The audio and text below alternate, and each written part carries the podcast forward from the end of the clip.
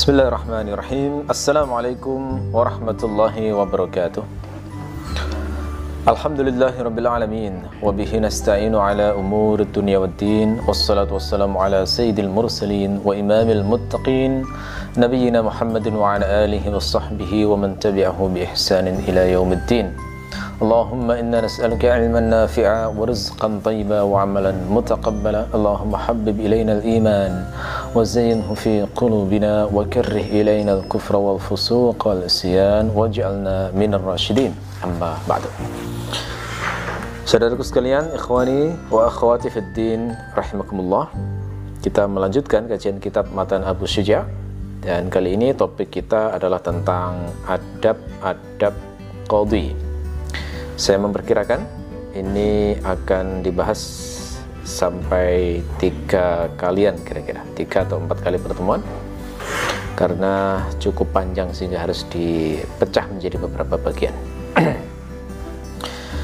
Kita langsung memulai. Abu Syuja' menulis wa yustahabbu an yajlisa fi wasatil balad. Disunahkan untuk duduk di tengah-tengah negeri. Ya, maksudnya bagaimana? Seorang qadhi itu seharusnya penempatan gedung mahkamahnya itu diletakkan di tempat yang strategis. Ya, di sini disarankan adalah di tengah-tengah negeri. Tujuannya apa? Biar mudah dijangkau, biar mudah diakses, biar semua orang itu gampang ke sana. Itu tujuan utamanya. Ini jika negerinya itu luas ya tetapi kalau negerinya misalnya kecil maka pensyarah dari kitab ini menjelaskan boleh menempatkan di lokasi mana pun. Karena tempat yang kecil itu tidak menyulitkan siapa pun ketika diletakkan di mana pun di tempat tersebut. Ya. Di sebagian manuskrip itu menulis uh, ya jenis ini dengan lafaz yanzil. Nah, jadi ada manuskrip yang menulisnya wa yustahabbu an yanzila fi wasatul balad.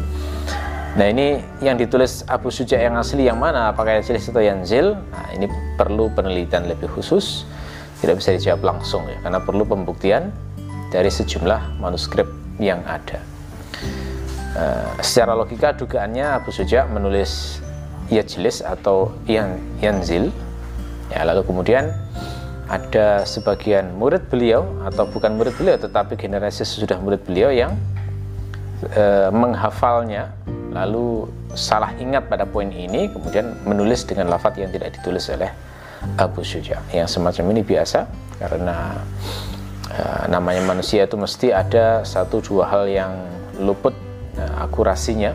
Oleh karena itulah maka dalam penulisan manuskrip itu selalu disertai penyebutan sanat jadi fungsi sanat itu validasi informasi sebenarnya bukan validasi ilmu itu yang harus dibedakan ya jadi sanad itu validasi informasi, tidak terkait dengan validasi keilmuan seseorang. Ilmu seseorang itu diketahui dengan tes ujian dan persaksian dari orang yang pakar dalam bidang tersebut. Ya, seperti kuliah lah misalnya ya. Kalau misalnya ada seorang dokter yang mengaku pernah belajar di sebuah fakultas kedokteran di sebuah universitas, dia tidak bisa buka praktek dengan alasan saya sudah belajar pada dokter A, dokter B, dokter C. Sebuahnya apa pun dia mengaku belajar pada dokter itu, dia tidak bisa dikatakan kompeten sebagai dokter, tidak bisa. Kenapa? Karena itu hanya menunjukkan, andaikan benar informasinya, hanya menunjukkan bahwa dia itu pernah belajar ke dokter ini. Terus sejauh mana daya serap ilmunya sejauh mana penguasaannya terhadap ilmu kedokteran itu nggak bisa hanya dengan informasi belajar di dokter siapa saja. Nah, oleh karena itu ada sistem untuk menguji kompetensi. Sistem itu adalah ujian, gitu kan? Ada tes, ini ini ini bisa nggak? Dan ketat kalau di, di kedokteran itu ketat sekali. Karena urusannya dengan nyawa seseorang. Jadi kalau nilainya C asli C itu, nilainya D asli D nggak lulus ya beneran nggak lulus gitu ya. Kalau ilmu sosial kan agak longgar biasanya dosennya itu yang kalau ngasih nilai itu tidak seketat di ini karena ya memang lebih cair kalau kalau ilmu-ilmu sosial itu. Begitu dites kemudian lulus barulah kemudian diterbitkan ijazah pengakuan ya. Ada pengakuan dari pakar oh anak ini kompeten dalam bidang ilmu kedokteran sehingga dia berhak untuk buka praktek misalnya dan itu pun masih melalui sejumlah tahap ya ada tes lagi harus ada ini ada ini. Untuk menjaga biar yang muncul itu dokter-dokter yang uh, benar-benar berkompeten. Nah kalau ada orang yang uh, ngaku pernah ketemu dokter X kemudian belajar ini ngaku pernah ini meskipun dia mencapai 100 orang tapi kalau dia tidak menguasai ya nggak sah itu tidak tidak tervalidasi ilmunya. Nah makanya saat zaman dulu itu uh, ulama itu baru tahu kualitas ulama yang lain itu dengan cara yang semakna dengan ini. Al Bukhari misalnya ya diketahui kedalaman ilmu hadisnya itu setelah dites. Setelah dites oleh sekian ulama dikasih 100 hadis sanatnya dibolak-balik ya. Tapi kemudian dikoreksi semuanya oleh Al-Bukhari. Nah sehingga dengan begitu orang jadi oh ini kompeten. Para ahli hadis sepakat ini lalu kemudian ada persaksian ulama bahwa Bukhari ini adalah gini gini gini. Jadi itu fungsinya tazkiyah ulama itu. Kalau kita membaca biografi ulama itu kan mesti ada ada bab yang judulnya Sana'ul Ulama alaihi. Ya, pujian ulama terhadapnya. Itu sejenis persaksian keilmuan. Ya jadi persaksian keilmuan seseorang itu tidak bisa pakai persaksian awam tidak boleh. Kalau orang awam itu husnuzon terhadap ulama oke. okay. Tapi bersaksi ilmunya ulama ini luar biasa misalnya. Maka persaksian awam itu tidak akan bisa dipakai untuk merekomendasikan uh, seperti para ulama. Karena yang paling ngerti kualitas ilmu seseorang itu adalah orang yang sepakar gitu ya atau di atasnya. Yang level keilmuannya sama atau di atasnya itu baru mengerti kualitas ilmu seseorang. Jadi seribu orang awam mengagumi keilmuan seorang ulama itu masih kalah dengan penilaian satu orang ulama yang benar-benar ulama. Nah, namanya begitu ya. Itu nah.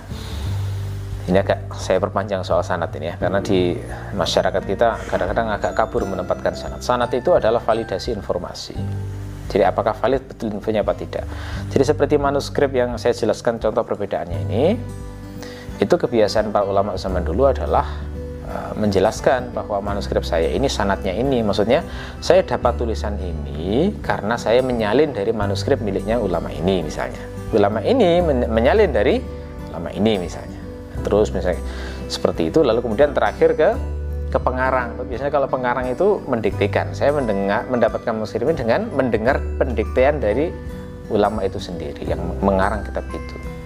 Nah, dengan begitu maka bisa dipastikan kevalitan manuskrip ini. Oh, tulisan ini memang benar-benar asli karangan dari ulama X. Begitu. Itu cara menjaganya begitu. Tetapi karena namanya manusia kadang-kadang terjadi waham, kadang-kadang terjadi silap.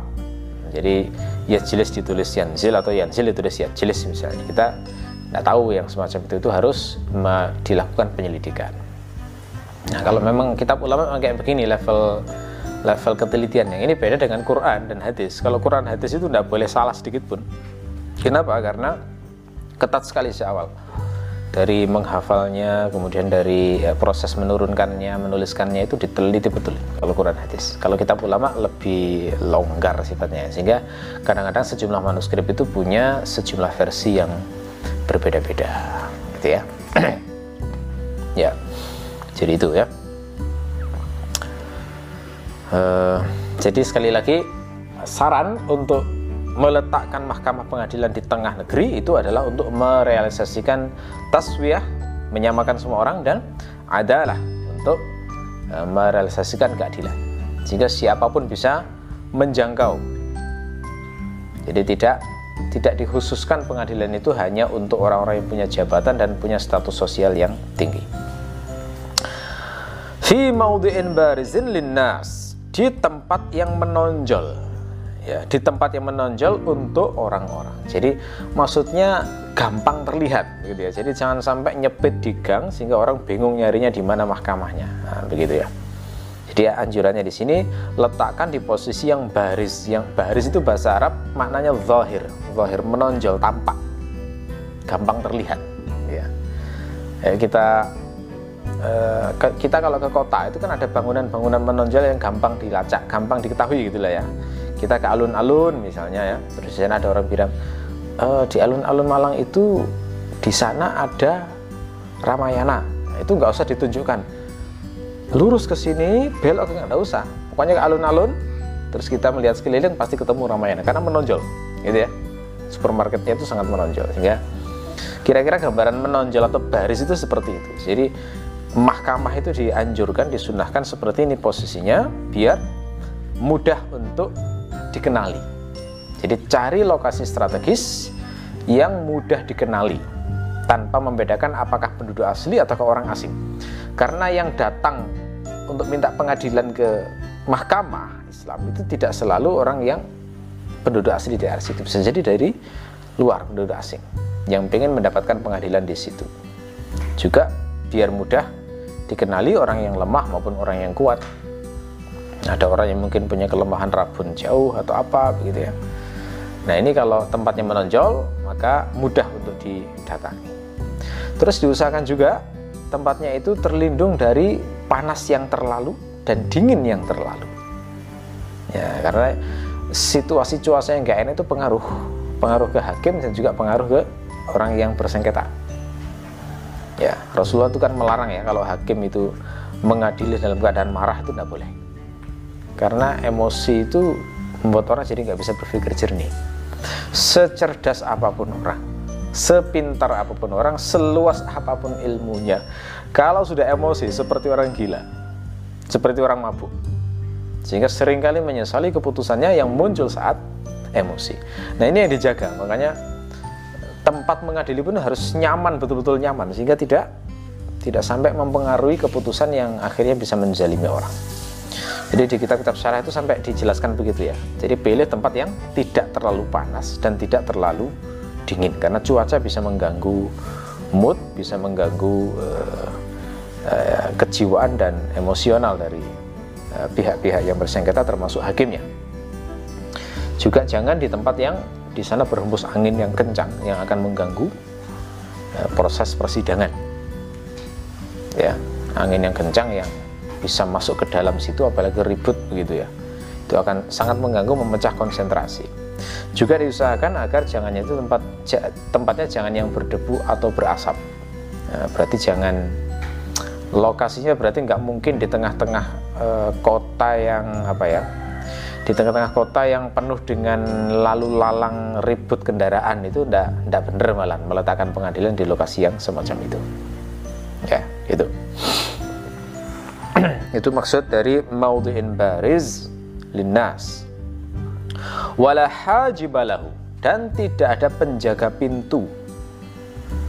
Ya tidak ada penjaga pintu di eh, pengadilan tersebut atau tidak ada penjaga pintu bagi qadhi tersebut hajib ini lafat yang lain di manuskrip yang lain itu nyebutnya wala hijabalahu jadi kadang di satu manuskrip menyebutnya hijab yang ditulis di sini adalah hajib. Hajib itu maknanya bawab, penjaga pintu. Dinamakan hajib karena fungsinya hajaba, menghalangi. Menghalangi orang supaya nggak masuk sembarangan. Nah, jadi mencegah orang. Uh, seperti raja-raja yang itu ada ada penjaga pintunya gitu ya itu kan fungsinya biar nggak sembarangan orang masuk ditanya dulu kepentingannya apa dan sebagainya itu namanya hajib nah disunahkan tidak perlu me mengangkat hajib dalam pengadilan itu. Tujuannya apa? Tujuannya adalah agar tidak membeda-bedakan semua orang yang mau minta keadilan. Jadi eh, pejabat boleh masuk, rakyat biasa juga boleh masuk. Orang miskin boleh masuk, orang kaya juga boleh masuk. Ya, pemimpin tertinggi boleh masuk, orang rendahan yang punya jabatan juga boleh masuk. Jadi itu fungsinya ada karena kalau ada hajib itu kan ada penjaga itu eh, kadang-kadang yang semacam ini tidak ter terrealisasi gitu ya apalagi penjaganya tidak punya akhlak yang baik itu biasanya ramah pada orang yang punya jabatan dan ketus pada orang yang dianggap punya status sosial yang rendah ya saya penasaran sebenarnya waktu mengkaji teks ini kira-kira apa alasan para ulama kok men menyarankan begini ya nggak perlu ada hajib itu dalilnya apa Ternyata dalil yang dipakai adalah hadis riwayat Abu Dawud. Rasulullah bersabda semacam ini. Man wallahu Allahu azza wa jalla syai'an min amril muslimin fahtajaba duna hajatihim wa khallatihim wa faqrihim ihtajaballahu anhu duna hajatihi wa khallatihi wa faqrihi Barang siapa yang Allah memberikan kekuasaan kepadanya untuk mengurus urusan kaum muslimin kemudian berhijab untuk tidak mengurus kebutuhan mereka maka Allah akan menghijab darinya tidak mengurus kebutuhan mereka Ya, ini ya. Jadi pakai kata ihtajaba. Ihtajaba menunjukkan e, berarti yang dilarang itu adalah semangat apa apa yang dilarang adalah mental cuek, mental tidak ngurus kebutuhan orang, tidak tidak peduli dengan kesulitan orang. Ya, di sini lafadznya pakai kata hajah, khallah dan faqr. Ya, ini ini ke sebagian ulama menjelaskan ini semuanya diterjemahkan kebutuhan sebenarnya, hajah. Cuma tingkatnya berbeda. Hajah itu kebutuhan biasa, sekunder lah katakanlah. Kebutuhan sekunder, dia butuh, seneng kalau dapat itu, tapi kalau enggak ya tetap bisa hidup. Itu namanya hajah. Ya, pingin anaknya sekolah misalnya, tapi nggak punya uang untuk membayar masuk misalnya. Nah, itu termasuk hajah istilahnya. Kalau khallah, khallah itu kebutuhan yang levelnya lebih tinggi dari itu, lebih mendesak. Karena khallah itu kayak dari kata khalal, khalal itu lubang jadi ada semacam lubang menganga dalam dirinya kalau kalau sampai kebutuhan itu tidak terpenuhi. Nah, itu dinamakan uh, khallah. Ya, misalnya dia orang yang bersyahwat besar, butuh nikah, sudah ada calonnya. Ya, dia khawatir melakukan perbuatan zina, dia sudah wajib hukumnya untuk menikah itu. Tapi dia terhalang, nggak bisa nikah karena nggak bisa bayar mahar diminta bayar uang panai misalnya ya, kalau di daerah Makassar atau Sulawesi dia nggak sanggup itu. Terus dia butuh bantuan menyelesaikan ini. Nah ini dinamakan khollah semacam khollah itu kebutuhan yang lebih lebih mendesak dari hajat nah fakr fakr itu paling tinggi itu sudah levelnya sudah itiror sudah fakr itu kebutuhan yang sifatnya sudah doruri sudah uh, sudah darurat banget. Ya kalau misalnya tidak mendapatkan kebutuhan itu bisa mati dia. Ya itu misalnya sakit sakit parah yang perlu operasi kalau nggak dioperasi tewas misalnya. Nah itu termasuk fakir atau dia nggak punya uang nggak bisa makan sehingga kalau nggak dapat uang mati dia. Itu fakir. Jadi Rasulullah menyebut semacam ini jika tafsir ulama yang semacam ini diikuti maka maknanya Rasul itu memerintahkan kalau orang itu punya kuasa beresi semua kebutuhan manusia tanpa membedakan level kebutuhan mereka. Nah, atas kayak gini itu indah ya kalau dikajikan pada para politisi, para negarawan. Ini yang sebenarnya harus diangkat dari prinsip-prinsip Islam terkait dengan politik dan pemerintahan. Nah, ini memang ajaran yang sifatnya eh, apa ya? Eh, bukan ajaran hukum ini, ini ajaran akhlak, ini ajaran ketakwaan, ajaran moral ya gitu ya sehingga orang kalau terbentuk semacam ini itu akan mempengaruhi keputusan-keputusan politiknya ya buktinya apa ini sudah terjadi waktu hadis ini disampaikan pada Muawiyah. Muawiyah bin Abi, bin Abi Sufyan yang jadi khalifah menggantikan Ali ya waktu itu ya. Respon beliau adalah faja'ala rajulan ala hawa nas maka Muawiyah langsung mengangkat seseorang untuk ngurusi semua kebutuhan manusia. Jadi langsung terbentuk departemen, langsung terbentuk jawatan atau kalau kita mungkin sudah terbentuk kementerian yang khusus ngurusi kebutuhan manusia semuanya. Oh ini kan indah ya kalau ada jawatan khusus yang ngurusi orang eh, kelaparan misalnya. Jawatan khusus yang ngurusi orang yang nggak bisa sekolah misalnya. Jawatan khusus yang ngurusi anak-anak yatim itu kalau diurus melalui jalur uh, apa dengan uh, oleh politisi yang ngerti hadis semacam ini luar biasa gitu ya nah, termasuk di sini dipraktekkan untuk qadhi atau hakim. Kenapa? Karena qadhi semakna dengan pemerintah. Dia punya kuasa untuk memutuskan sesuatu yang sifatnya ilzam memaksa. Jadi makanya qadhi ini disunahkan tidak usah mengangkat hajib.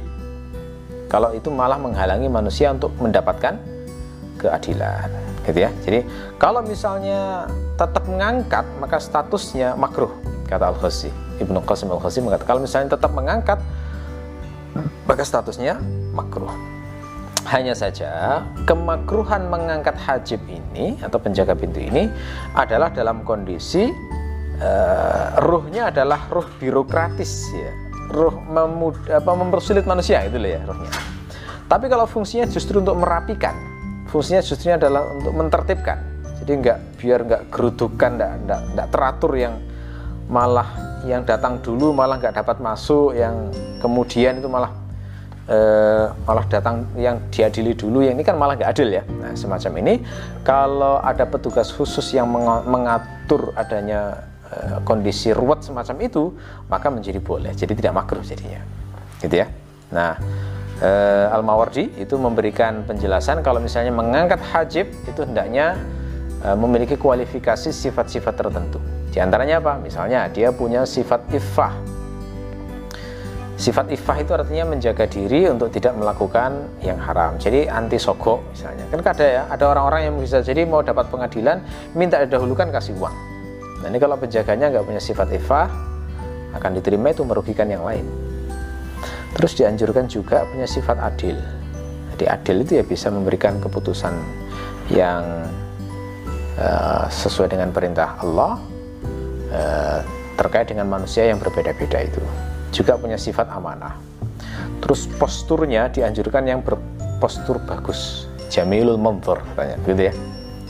Kemudian punya keterampilan komunikasi yang baik. Karena nanti kan ngatur banyak orang ya bisa menempatkan manusia sesuai kadarnya.